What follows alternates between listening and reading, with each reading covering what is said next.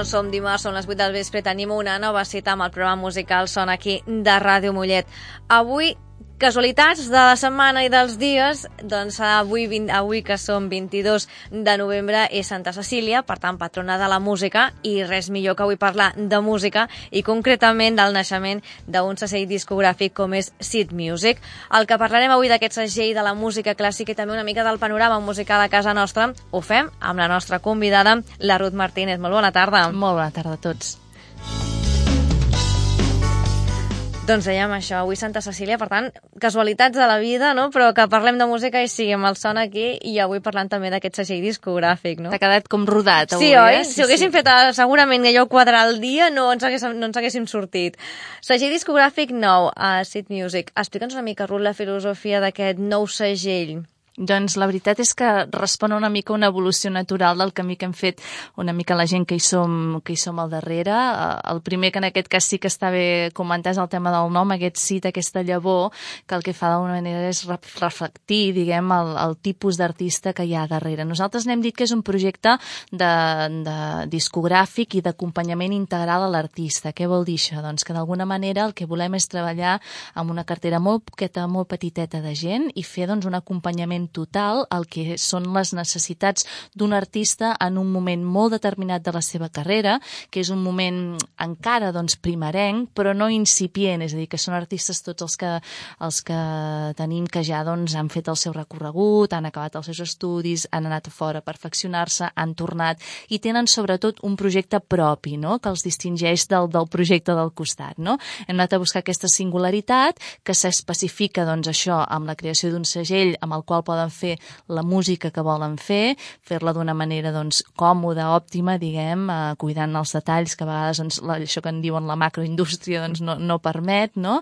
Eh, I fer-ho també doncs, en tots els vessants de la carrera, que vol dir també intentant trobar el que és els marcs de difusió òptims, per tant, els concerts, i també, doncs, eh, jo que vinc del món de la comunicació, doncs, que tinguin, garantir-los doncs, eh, un, una certa doncs, eh, coherència a l'hora d'explicar-se, marcs on explicar-se, eh, i per tant treballem molt tot el, el tema doncs, això comunicatiu a l'entorn de l'artista. No? Perquè, Ruth, llavors, uh, Sid Music uh, només és música clàssica, quin estil o què és el que engloba? Sí, la discogràfica és de música clàssica, que és la música que per formació, en aquest cas, doncs, uh, més conec, uh, i perquè, diguem que els canals de la música clàssica uh, són severs i són difícils i necessiten d'una especialització molt concreta, no? Per això, doncs, els, els artistes de la nostra cartera són tots de música clàssica música clàssica contemporània, és a dir, aquest estil de música que es fa avui, amb veu pròpia, però que sí que la podríem emmarcar en el que diguéssim que és la música clàssica. Eh? N'hi ha un que farà més barroc, o n'hi ha un que farà més contemporani,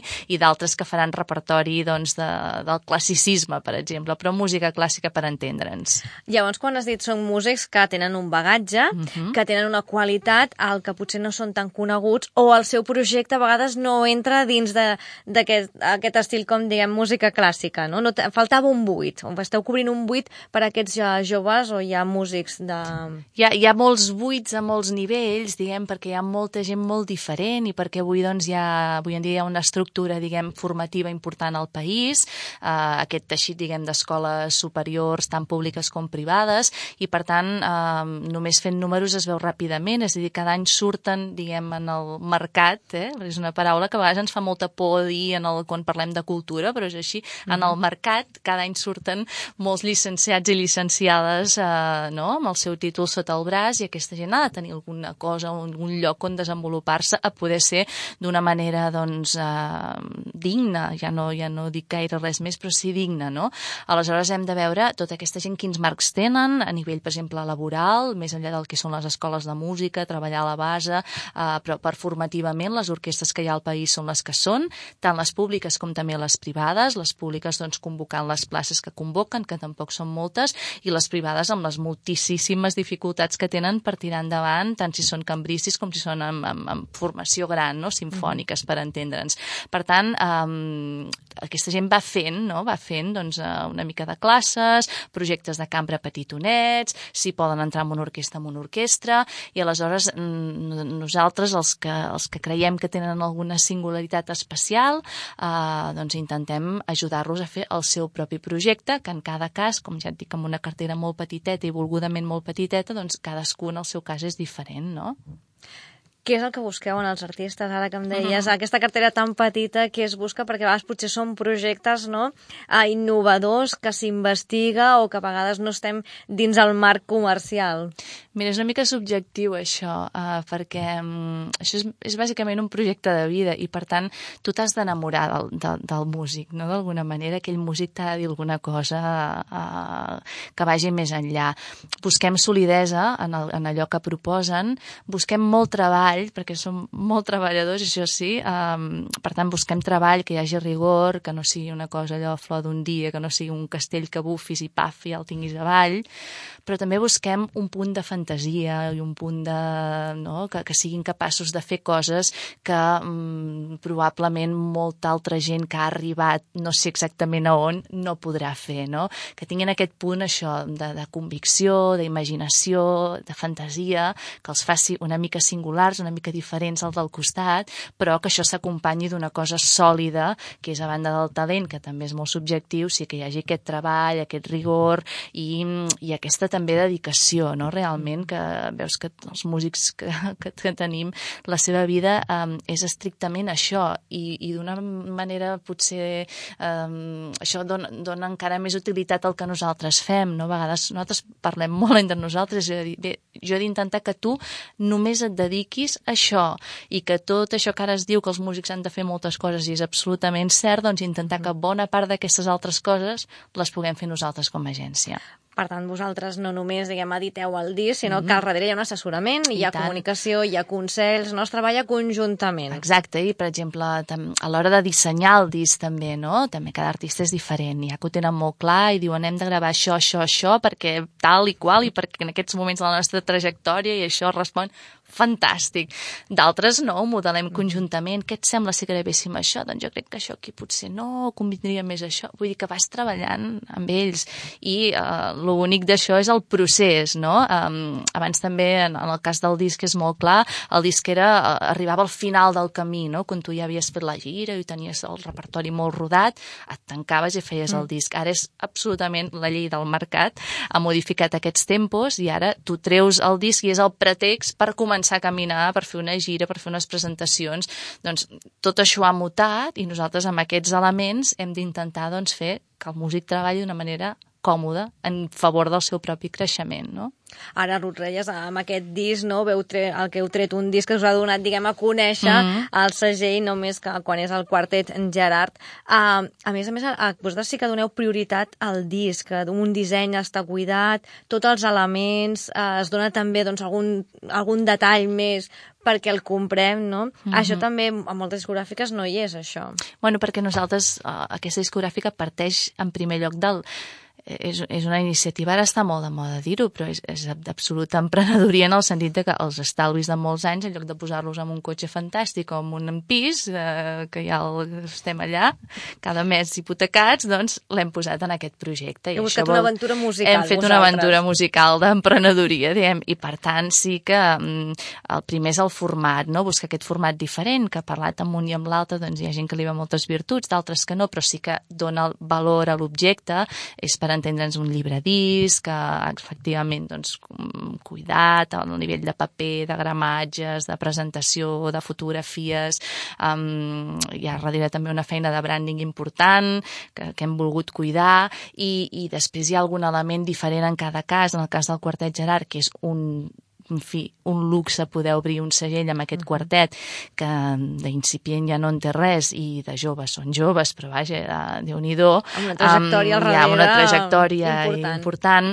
Doncs el que hem fet en aquest cas és buscar doncs, un element plus, diguem, que, que es tradueix en aquest eh, text preciós que ens ha regalat en, en Jaume Cabré, uh, l'escriptor i melòman reconegudíssim, a més a més, doncs, bon coneixedor de la tasca i del dia a dia que, que del quartet, amb ells tenen una relació, doncs, això, epistolar uh, estable i es, es diuen les seves coses i Perquè segueixen. no estan vivint aquí, eh? No, ells viuen a Berlín, ells viuen a Berlín, ara també estan fent un tercer màster que els porta per diversos llocs d'Alemanya, ells no viuen aquí, um, i, i aleshores, doncs bé, vam mantenir contacte amb, amb diversa gent, sempre doncs, buscant algú que els escolti, consell aquí, consell allà.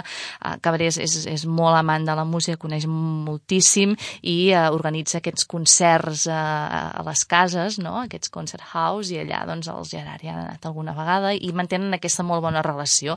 I com van voler fer aquest, aquest, aquesta presentació, diguem, amb un disc que per ells arriba després d'aquell de, primer disc que van tenir arran del Premi de Joventuts Musicals d'Espanya, és un disc que ells volgudament hi han volgut dir aquest portrait, aquest retrat, no? allò de dir, ostres, doncs nosaltres som això ara aquí i han volgut tenir aquesta mirada externa molt qualificada per part del Jaume Cabré, a qui ja et dic, li agraïm moltíssim que ens hagi volgut fer aquest text tan bonic, no? I llavors la vostra part, és a dir, tot, heu començat des de l'inici amb aquest grup, amb aquest projecte, amb aquest treball, mm -hmm. també heu triat les cançons, els heu ajudat, assessorat... En aquest cas, el, el, això que et deia, hi ha grups que ho tenen molt clar, en aquest cas ells tenien molt clar que volien gravar això, i fantàstic. Uh, van, per exemple, comentar el tema del, de, de que hi pogués haver aquest bonus track, que, que per nosaltres és aquest nocturn, aquest eh, moviment de les vistes al mar de Toldrà. Eh, creiem que la música contemporània és molt important i la música d'autor català també. Eh, de fet, tots el, els discos de Cits, de, de moment aquests tres que tenim ja a punt de sortir, el segon i el tercer, després ho comentarem, a tots hi ha alguna una obra, no, no com a quota, però sí com a convicció d'autor contemporani català, i evidentment gravar el Gerard, jo crec que era un, una assignatura pendent tenir una, un, un enregistrament element de referència d'aquesta figura tan important que va ser Robert Gerard, que per l'exili va haver de marxar i que mm, molts de nosaltres encara no coneixem prou, mm, malgrat doncs, té una qualitat, en fi, segons l'Escola de Viena, Schoenberg, és a dir, una qualitat indubtable i feia falta un enregistrament de referència d'aquest repertori, que és un repertori encara molt desconegut i encara molt poc tocat. Uh -huh. Això vol dir que amb aquest disc, o amb els discos eh, que, que es publica des de Sid Music, també apropem la música clàssica clàssic al públic més general, Tant perquè suposo que amb, la, amb el disc el que hi ha doncs, pot atraure la fotografia, el disseny, no? a la gent que potser doncs, no és habitual d'escoltar música clàssica, són elements no, que els poden doncs, atreure l'atenció i es juga una mica amb això. No? no ens ha de fer por. Jo crec que la, la idea, amb alguns dels artistes de, del segell, a vegades en parlem, no?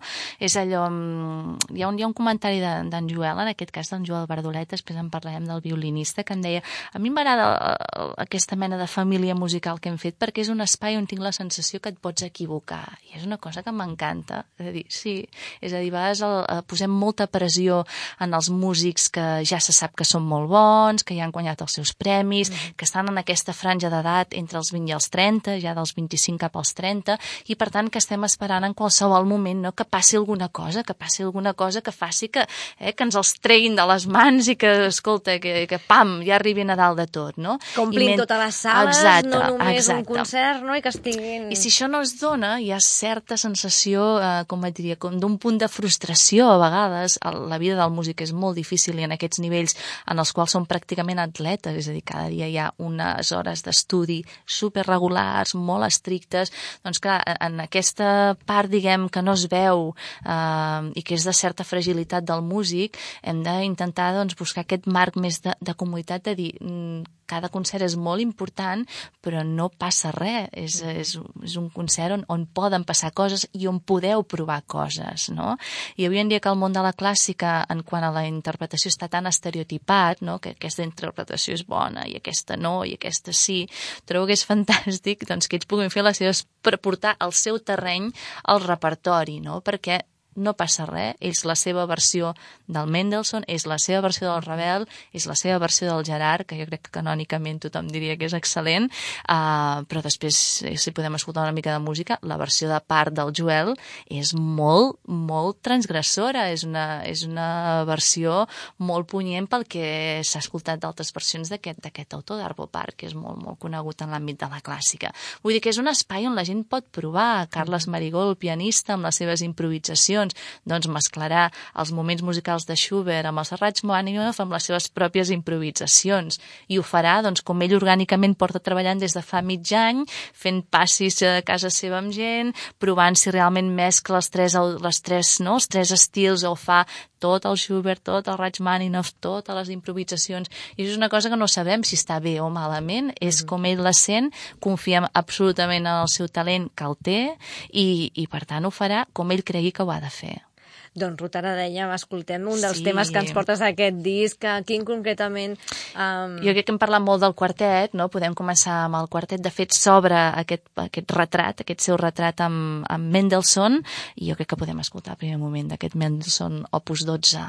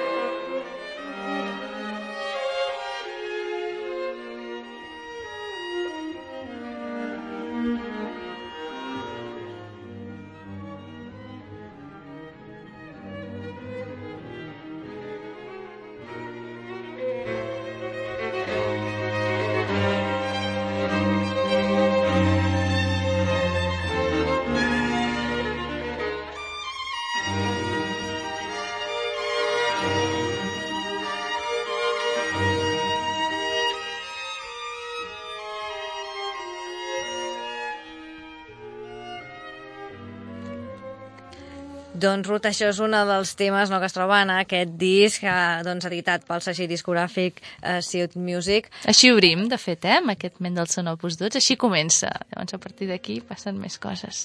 Exacte, i l'hem de... Perquè ara deies... Més... Jo sóc més a tenir sempre a la mà el disc, que m'agrada molt la fotografia, si hi ha un llibret o si hi ha doncs, un, un complement, un plus, m'agrada molt més, i així és una forma també de conèixer a, a l'autor o, el, o el grup.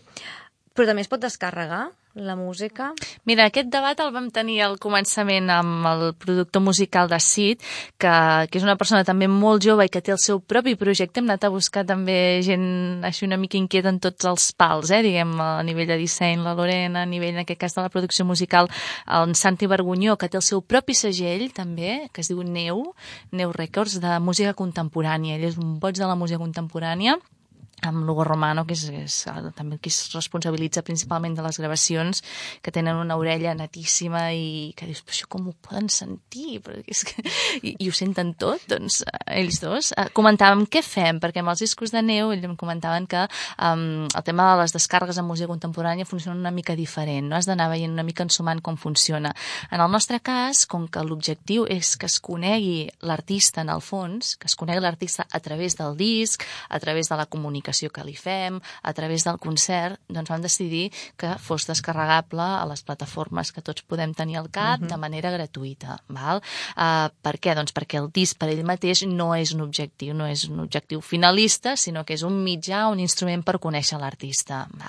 I per tant, doncs, uh, el podem trobar a totes les plataformes que veiem. Si és veritat que estem treballant ara amb tot un desenvolupament d'una botiga online en la qual a través d'un codi de descàrrega um, que, que això va amb una bosseta li posarem el codi a dins, eh, sí que podràs accedir a un, a un contingut addicional, que en el cas del, del Gerard ja és, ja és disponible en obert, perquè era el primer, eh, que són els vídeos, tenim dos vídeos, un teaser més petitonet i un altre de més llarg, que ens ha fet l'Igor Cortadelles, que el coneixeu tots, suposo uh -huh. molt, que ha fet moltíssimes coses i té aquest gust eh, tan exquisit no?, per fer-les, eh, i en el cas ja també en del, del Joel Pardolet ja no únicament seran els vídeos que ha fet l'Artur Tor, que és un tio brutal, a part d'artista, um, sinó que també hi haurà textos addicionals, les dedicatòries d'alguns dels, dels compositors, és a dir, anar fent com una bossa de contingut, diguem, que vagi complementant, que permeti també mantenir un input i un contacte amb el, amb el públic, doncs ara hem, tenim una gravació nova, us l'oferim, no? I fer aquest seguiment també a nivell de comunitat, no? Avui en dia que és tot tan global, creiem absolutament que, que és a partir d'allò més, més proper, d'aquesta comunitat pròxima que podem contactar-hi a través d'un concert, la gent que et ve veure després d'un concert en una signatura o a través de la compra del disc, doncs poder tenir aquesta petita comunitat a l'entorn dels artistes amb els quals doncs, anem tenint un, un contacte doncs, regular.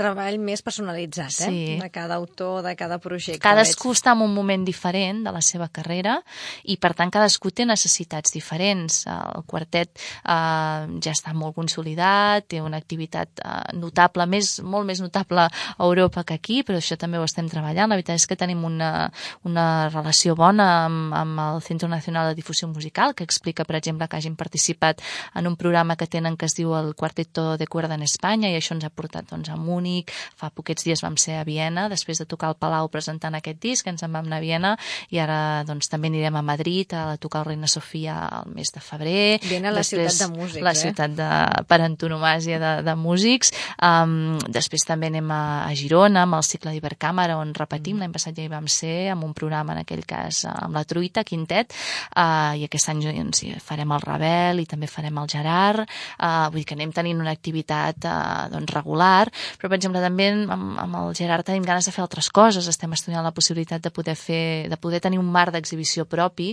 que fomenti precisament aquesta, aquest tema de, de la música contemporània, dels encàrrecs, de posar en comú gent generacionalment uh, propera i estem doncs, veient la, la viabilitat de poder fer un, un propi festival doncs, que, que serveixi doncs, per posar en comú aquesta gent d'una mateixa generació que està fent coses. No?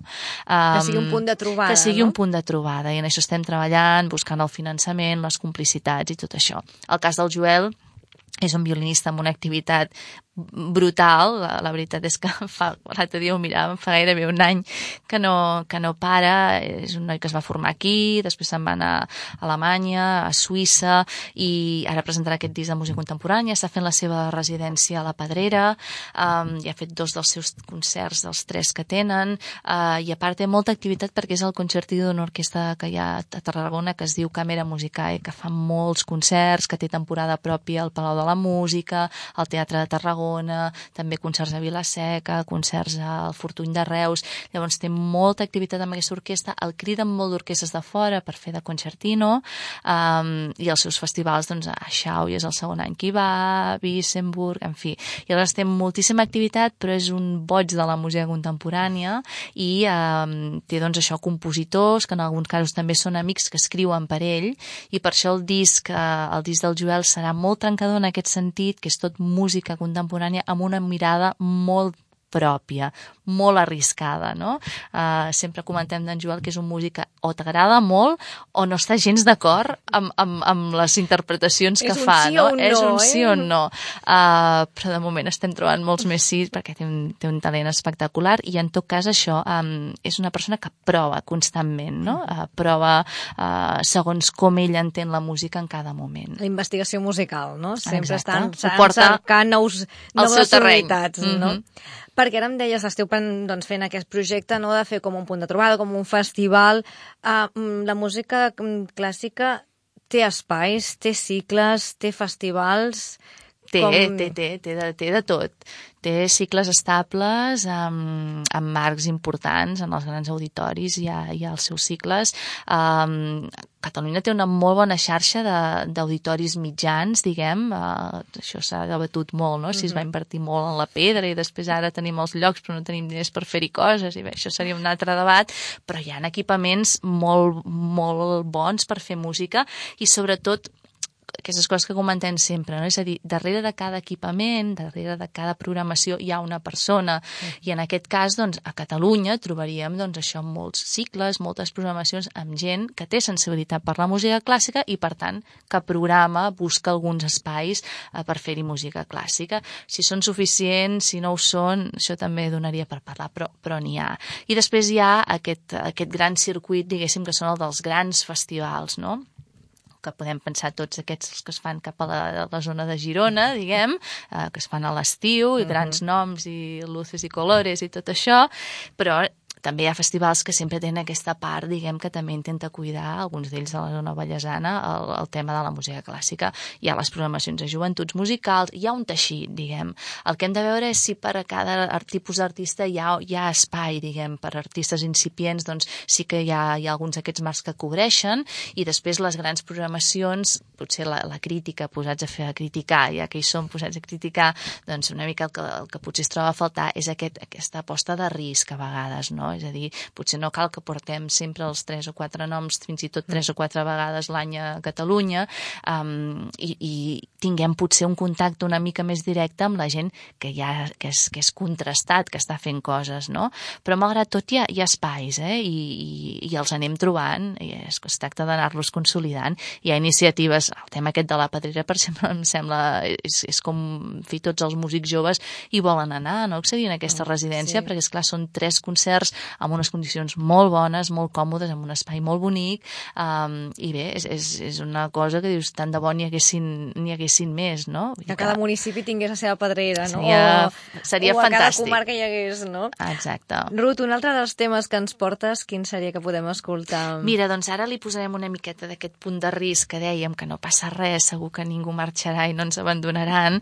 Uh, anem a conèixer una mica més qui era aquest autor, no? aquest Robert Gerard, aquest autor ballenc que se'n va anar a Cambridge. Uh, N'escoltarem, si us sembla, l'últim dels tracks d'aquesta, no? exacte, uh, d'aquest uh, segon quartet, uh, és a dir, Robert Gerard, vist pel quartet Gerard.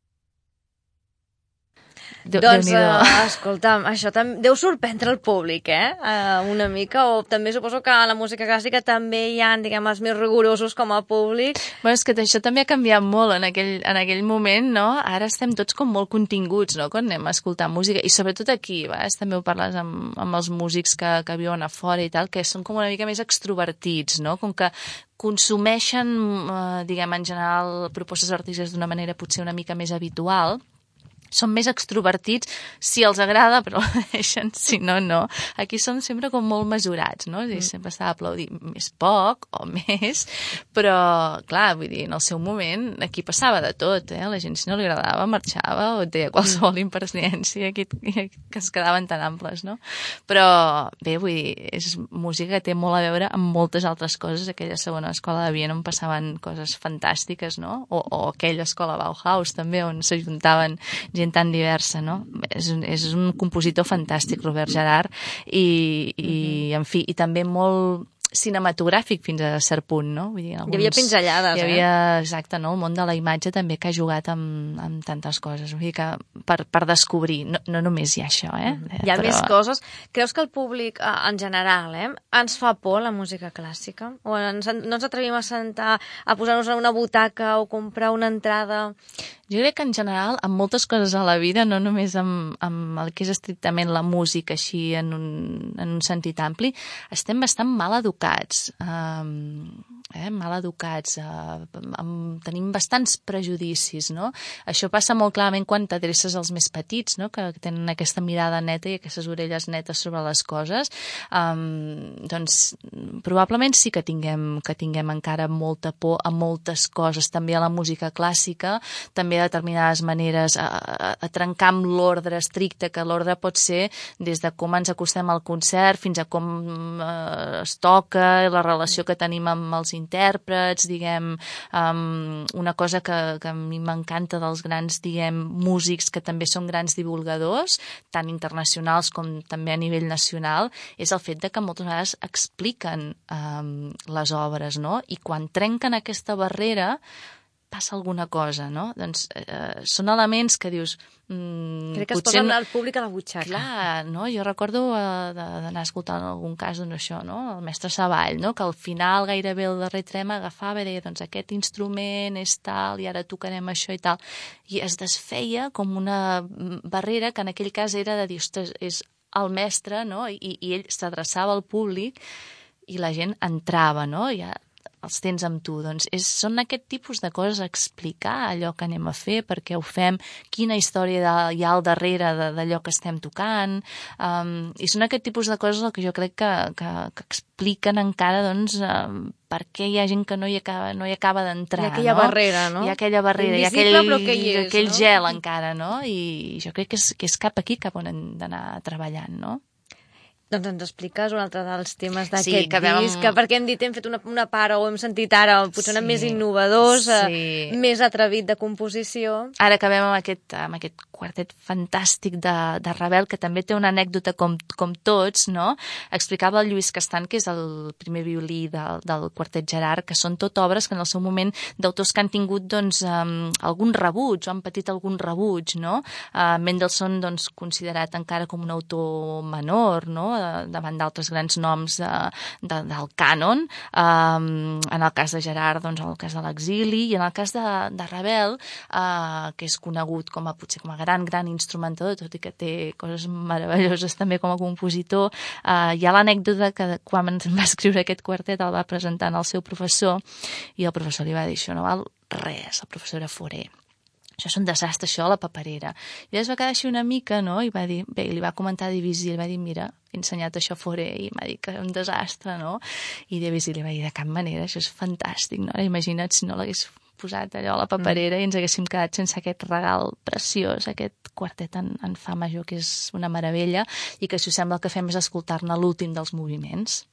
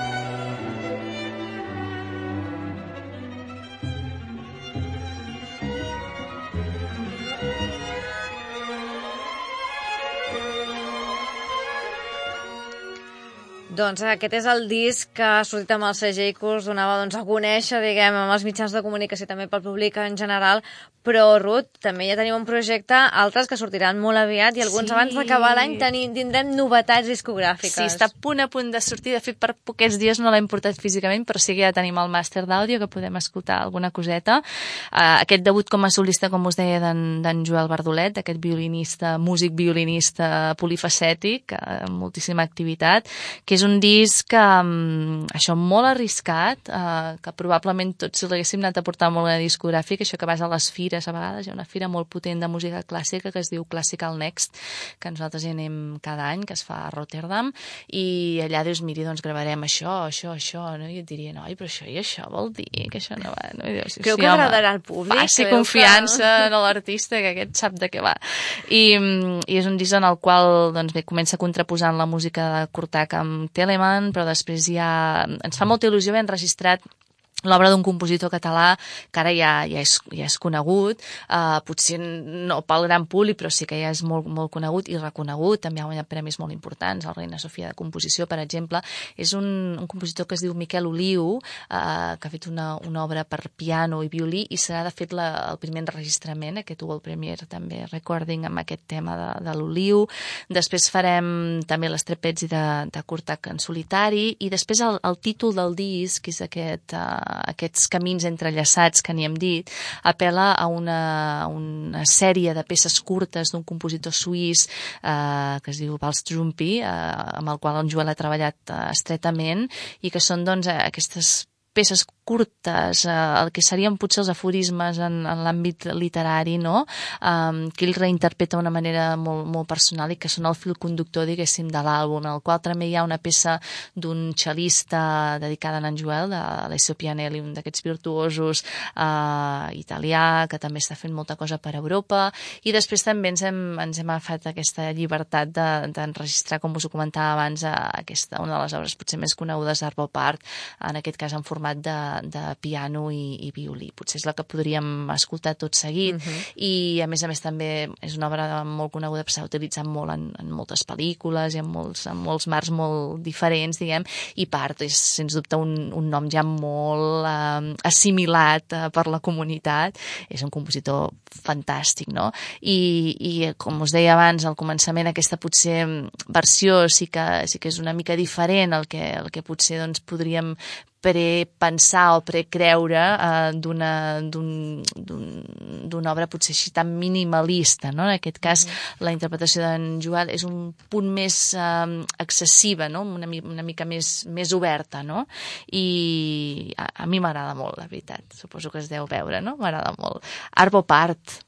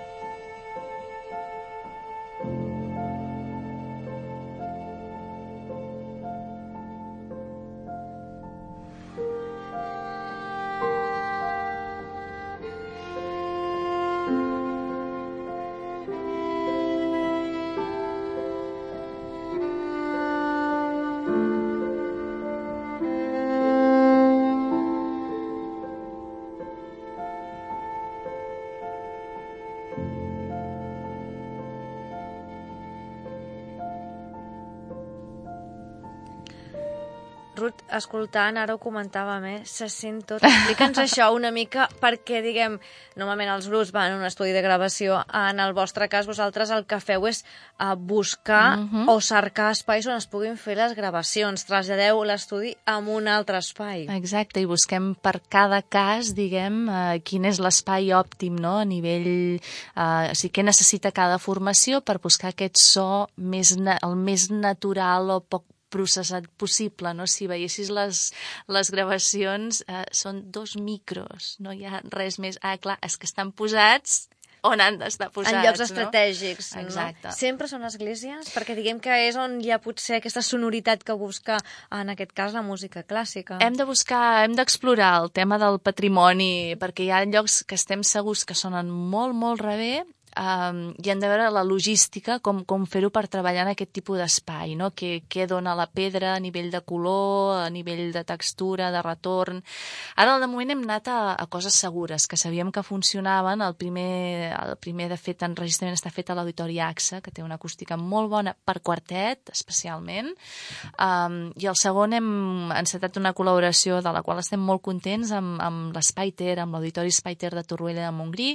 A Torroella sabeu que hi ha doncs, a part de molta tradició musical, joventuts uh mhm. -huh. musicals, hi ha el Festival de Torroella de Montgrí, que és aquest festival que n'hi diuen estratègic de música clàssica, però que és un festival de referència que tots els melòmens eh, coneixem Exacte. i pel qual han passat tot el més gran que et puguis imaginar, doncs han passat per la Torroella i des de fa poquet tenen aquest auditori fantàstic que en el cas d'aquesta proposta d'en Joel, que era violí sol en un percentatge molt gran del disc i en aquest cas violí i piano en algunes peces, com aquesta que escoltàvem, o també amb l'Oliu, per exemple, o en el, o en el Cortac, doncs el, el que fèiem era buscar um, un lloc que, que garantís aquesta amplitud i aquest retorn, a banda de que en el cas del Joel Joel és especialment expressiu, que jo que el sentim respirar, no? Com si estigués a prop Com nostre si fent el concert, davant. eh? Exacte. I el tercer, que gravarem, vaja, si tot va bé, acabarem de gravar d'aquí un mes, perquè gravarem just abans de, de Nadal, el gravarem, ens fa molta il·lusió al Conservatori del Liceu, en l'auditori del Conservatori del Liceu, que és un conservatori magnífic. Uh, aquest auditori és, és, té totes les condicions per, per treballar molt còmodament i, a més a més, uh, importantíssim en el cas d'un pianista, que el piano estigui molt bé. I, per tant, en aquest mm -hmm. cas ja hem afegit també el fet d'anar a buscar piano pianos que, que estiguin bé. Vull dir que és tot un procés i en aquest cas sí que molt important la, les directrius que marquen el, el Santi Vergonyó i l'Hugo Romano. Per tant, això no molts jocs, no molts segells busquen el lloc per anar a gravar, eh? Fas el un... que pots, no? Sí. I tam també és veritat que en el cas de la, de la clàssica, on hi ha menys, diguem, artifici en, a la postproducció, eh, um, menys, eh, per exemple, no som molt amants de segons quin, no?, d'afegir segons quines rever o segons quines coses, per tant és molt important Les que la... La nova tecnologia no arriba gaire, eh? La presa... El la presa ha de ser, ha de ser molt bona. Uh -huh. Després tu veus els tisos, sobretot ja quan ens posem amb les veus, ja és molt bèstia, eh? Um, I està tot molt editat, no? Llavors busquem precisament el contrari, no? Buscar mm, el gust per l'error, també, no? Com, com diuen els grans, no? Harnoncourt ho explicava molt bé, això, no? És a dir, um, l'error a vegades és una cosa que et trobes en el camí per anar a explicar una cosa que vols explicar. Per tant, mm, uh, forma part de tu mateix i, i ja ja està bé allò allà, no? Més que no pas editar i que et quedi una cosa com Frankenstein, però molt freda, no? Llavors, doncs, eh, aquests espais garantien, garantien tots aquests elements i estem molt contents d'haver-hi d'haver pogut anar, i tant que sí. Ho dic, Ruth, perquè diguem que el segell a, a, a Seed Music és, diguem, el recull de la vostra experiència de la gent que configura aquest segell de, des de l'àmbit de la comunicació, passant per l'educació, la música, els concerts, les actuacions, no? Heu recopilat tot el vostre bagatge. Hem arribat aquí, això, jo diria, endreçant el que hem anat fent d'una manera més desordenada durant tota la nostra vida, diguem, no? Um, jo estic molt relacionada amb la música, el meu marit és músic, a més a més això, multilíder de molts projectes, i, i és una mica el que veus que, que va fent la gent, no? Buscant aquells, els músics entre els músics es busquen, no? Uh mhm. -huh. Doncs buscant aquells músics eh, que tenen aquesta mirada, que tenen alguna cosa a explicar, doncs ah, aquest l'hem d'ajudar, a veure com ho fem, i clar, d'això n'hem convertit la nostra, la, la nostra professió, per tant, més enllà d'ajudar, esperem esperem que això funcioni a tots nivells, que puguin fer molts concerts, que es venguin molts discos i que funcioni. Um, però perquè funcioni, el procés ha de ser bonic i hi ha d'haver aquest, aquest factor extra, diguem, que és un intangible, que és que tot això ens fa molta, molta, molta il·lusió, perquè és molt bonic, clar, el material... És essencial, eh? El material amb el que treballem és preciós, no? Quan arriba uh, l'última prova abans d'entrar a fàbrica, quan arriben les galerades del llibret, quan anem a fer les fotografies, quan tanquem un bon concert, fa molta il·lusió, fa molta il·lusió. Mm -hmm. Exacte, no? és el procés, no? la trajectòria no? d'acompanyar aquesta, el projecte dels músics o de les formacions uh, a l'hora doncs, que editeu finalment aquest, uh, aquest disc o s'aconsegueix aquesta gira tancada, no? A veure. que també és important. Parlàvem que hem començat dient que avui és Santa Cecília, Sí. la, el, la patrona de la música. Creus que cada cop, a part de les escoles de música, no sé si se celebra bastant, si hi ha moltes activitats envoltant d'aquesta festivitat. Jo recordo quan era petita, el dia de Santa Cecília era el dia de més estrès de l'any perquè fèiem els concerts i els nervis i a I posàvem a prova tot el que havíem après, oi? I pensava, ostres, doncs mira com passa el temps. Sí que és veritat que ara també hi ha més, durant l'any hi ha més oportunitats de celebració. Recordem també que des de fa uns anys se celebra també el 21 de juny el Dia de la Música, eh, per al decret aquest del, del, del LANC, és a dir, um, hi ha diverses oportunitats, però amb el Dia de la Patrona de la Música és un dia com molt entranyable, no? I ara que ve també una, una època de l'any una mica més tristoia, crec que està bé que els músics avui estiguem de celebració, no? Creus que falten més activitats? Més O activitats... no sé si us he plantejat com a segell, no? ja que celebrem doncs, amb més concerts a l'aire lliure i que dona doncs, el juny ve més de gust, eh, muntar també un cicle o una festa no? de Santa Ostres, Cecília. això Eh? et prenc nota i Sí, en, que deixo, eh? en parlarem, en parlarem. A veure si fem una festassa ben grossa el dia de la música o la propera Santa Cecília. La veritat és que avui ens ha enganxat encara això, eh, eh, revisant i escoltant, però per què no? I tant que sí, es tracta d'això que et deia de la comunitat i per què no, de ser una mica prescriptor en aquest cas, no? De dir, ei, nois, avui Santa Cecília, mira què hem fet, no? Doncs per què no? I tant que sí, ben vist. Doncs eh, queda apuntat I aquesta tant. proposta. Recullo.